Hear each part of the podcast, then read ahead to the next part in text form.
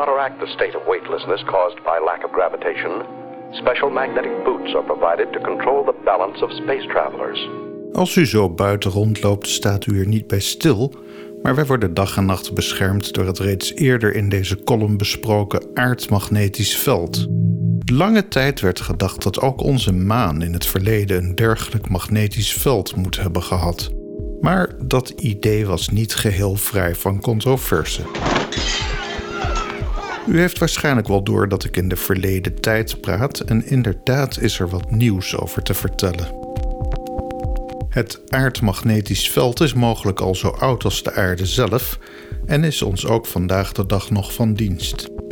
Zonder magnetisch veld zou het aardoppervlak dag en nacht gebombardeerd worden door kosmische straling.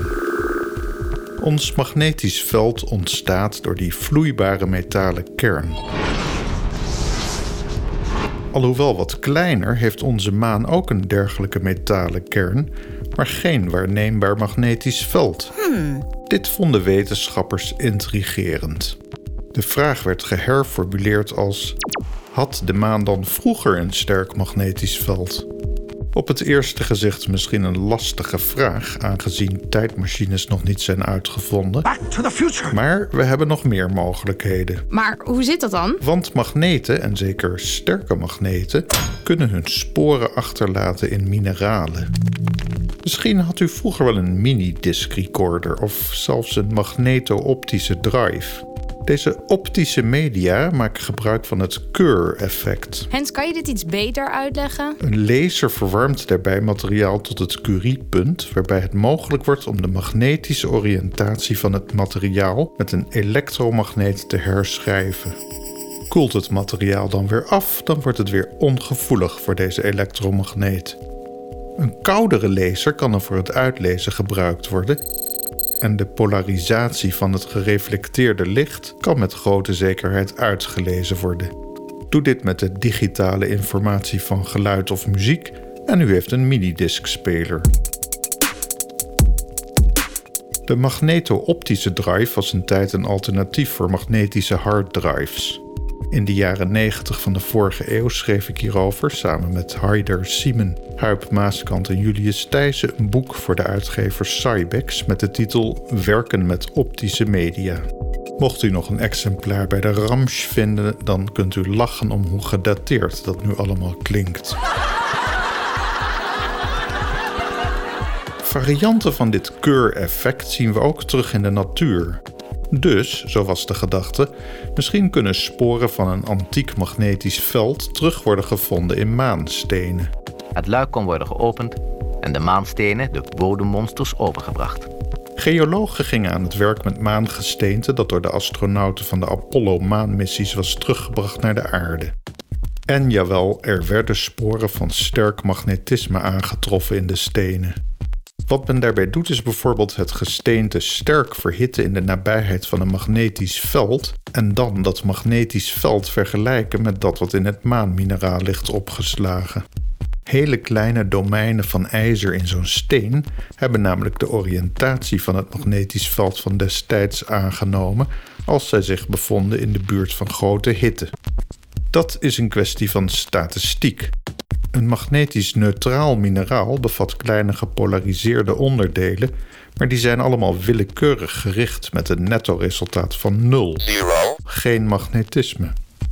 Was er echter wel een magnetisch veld aanwezig, dan zijn verdacht veel van die kleine onderdelen, domeinen noemen we dat, in dezelfde richting gepolariseerd. En dat is iets wat in een laboratorium kan worden waargenomen. De resultaten uit de geologische laboratoria waren verwarrend. Een gedeelte van het maangesteente liet een sterk oermagnetisme zien, wat leidde tot de hypothese dat de maan 2 miljard jaar lang een sterk magnetisch veld moet hebben gehad. Maar dat maakte het des te vreemder dat er dan nu geen enkel magneetveld valt waar te nemen.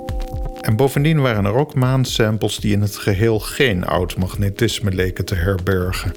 Er werd naar alternatieve verklaringen gezocht voor deze verwarrende bevindingen. Oh ja, dat kan je achteraf doen natuurlijk. Zouden sommige soorten ijzermineralen minder goed in staat zijn om magnetisme op te slaan? Of lag het misschien aan de meetmethode? Immers, door gesteente te verhitten wordt het weer gevoelig voor magnetisme. En wie zegt dan dat het waargenomen magnetisme overeenstemt met wat al die miljoenen jaren in de steen lag opgeslagen? In 2008 was de wetenschapper Kristen Lawrence het zat. Met betere meetmethoden dan in de eeuw daarvoor trof zij geen significante sporen van maanmagnetisme aan in het meeste maangesteente. Maar het was nog steeds niet duidelijk waarom er dan toch sporen van oud magnetisme worden aangetroffen in sommige maanstenen. Ze riep de hulp in van John Terduno van de Universiteit van Rochester. Hij is namelijk specialist in het opsporen van magnetisme in gesteente met behulp van een koolstofdioxide en een supergeleidende magnetometer. Hiermee kan magnetisme worden uitgelezen zonder het gesteente te veranderen. Tartuno zag hetzelfde als Lawrence en dit leidde tot de conclusie dat de maan hoe dan ook nooit een magnetisch veld heeft gehad. Het verlossende woord over de enkele steen die wel een sterk magneetveld had opgeslagen in een ver verleden, kwam in de vorm van een klein stukje maanglas met sporen van ijzer en nikkel. Het kon gedateerd worden op 2 miljoen jaar oud, wat vreselijk jong is op de grote schaal van het ontstaan van ons zonnestelsel. Wat bijzonder. Bovendien zijn astronomen en geologen het met elkaar eens dat 2 miljoen jaar geleden zeker geen magneetveld meer om de maan bestond. Dergelijk glas ontstaat bij meteorietinslagen waarvan de maan er vele kent. De maan heeft immers geen atmosfeer. En jawel, dit stukje glas, of eigenlijk de domeintjes van ijzer en nikkel hierin, waren sterk magnetisch gericht. Dit betekent dat bij bepaalde meteorietinslagen een sterk magnetisch veld ontstaat. Een vergelijkbaar effect ontstaat als u een niet-magnetische schroevendraaier keihard ergens tegenaan gooit. Dan kan deze ook enigszins magnetisch worden. Dit verklaart waarom sommige maanstenen, die inderdaad in de buurt van inslagkraters werden opgeraapt door de astronauten van Apollo, soms sterke resten van magnetisme hebben opgeslagen. Het ontbreken van een maanmagnetisch veld heeft ook nog voordelen voor onze toekomst. Zonder magnetisch veld wordt het oppervlak van een hemellichaam dus dag en nacht gebombardeerd met atoomkernen, waardoor het rijk wordt aan helium-3 en waterstof.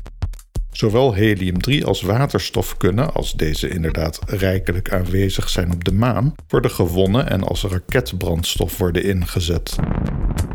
Of gewoon als brandstof om een samenleving daarvan duurzame energie te voorzien. Voor de wetenschap is het bovendien interessant dat de maan nooit een magneetveld had, omdat er dan mogelijk sporen liggen opgeslagen van de oude aardse atmosfeer. Allemaal zaken die toekomstig maanonderzoek een positieve draai kunnen geven. It's the future. Tot de volgende week. Dan gaan we echt naar Drenthe. Ik was dat al van plan voor deze column en de opnames zijn ook al gemaakt, maar ik had niet genoeg zendtijd en die column wordt een stukje langer. En mocht u een deze dagen naar buiten gaan, Kijk dan ook eens met wat verwondering naar de maan.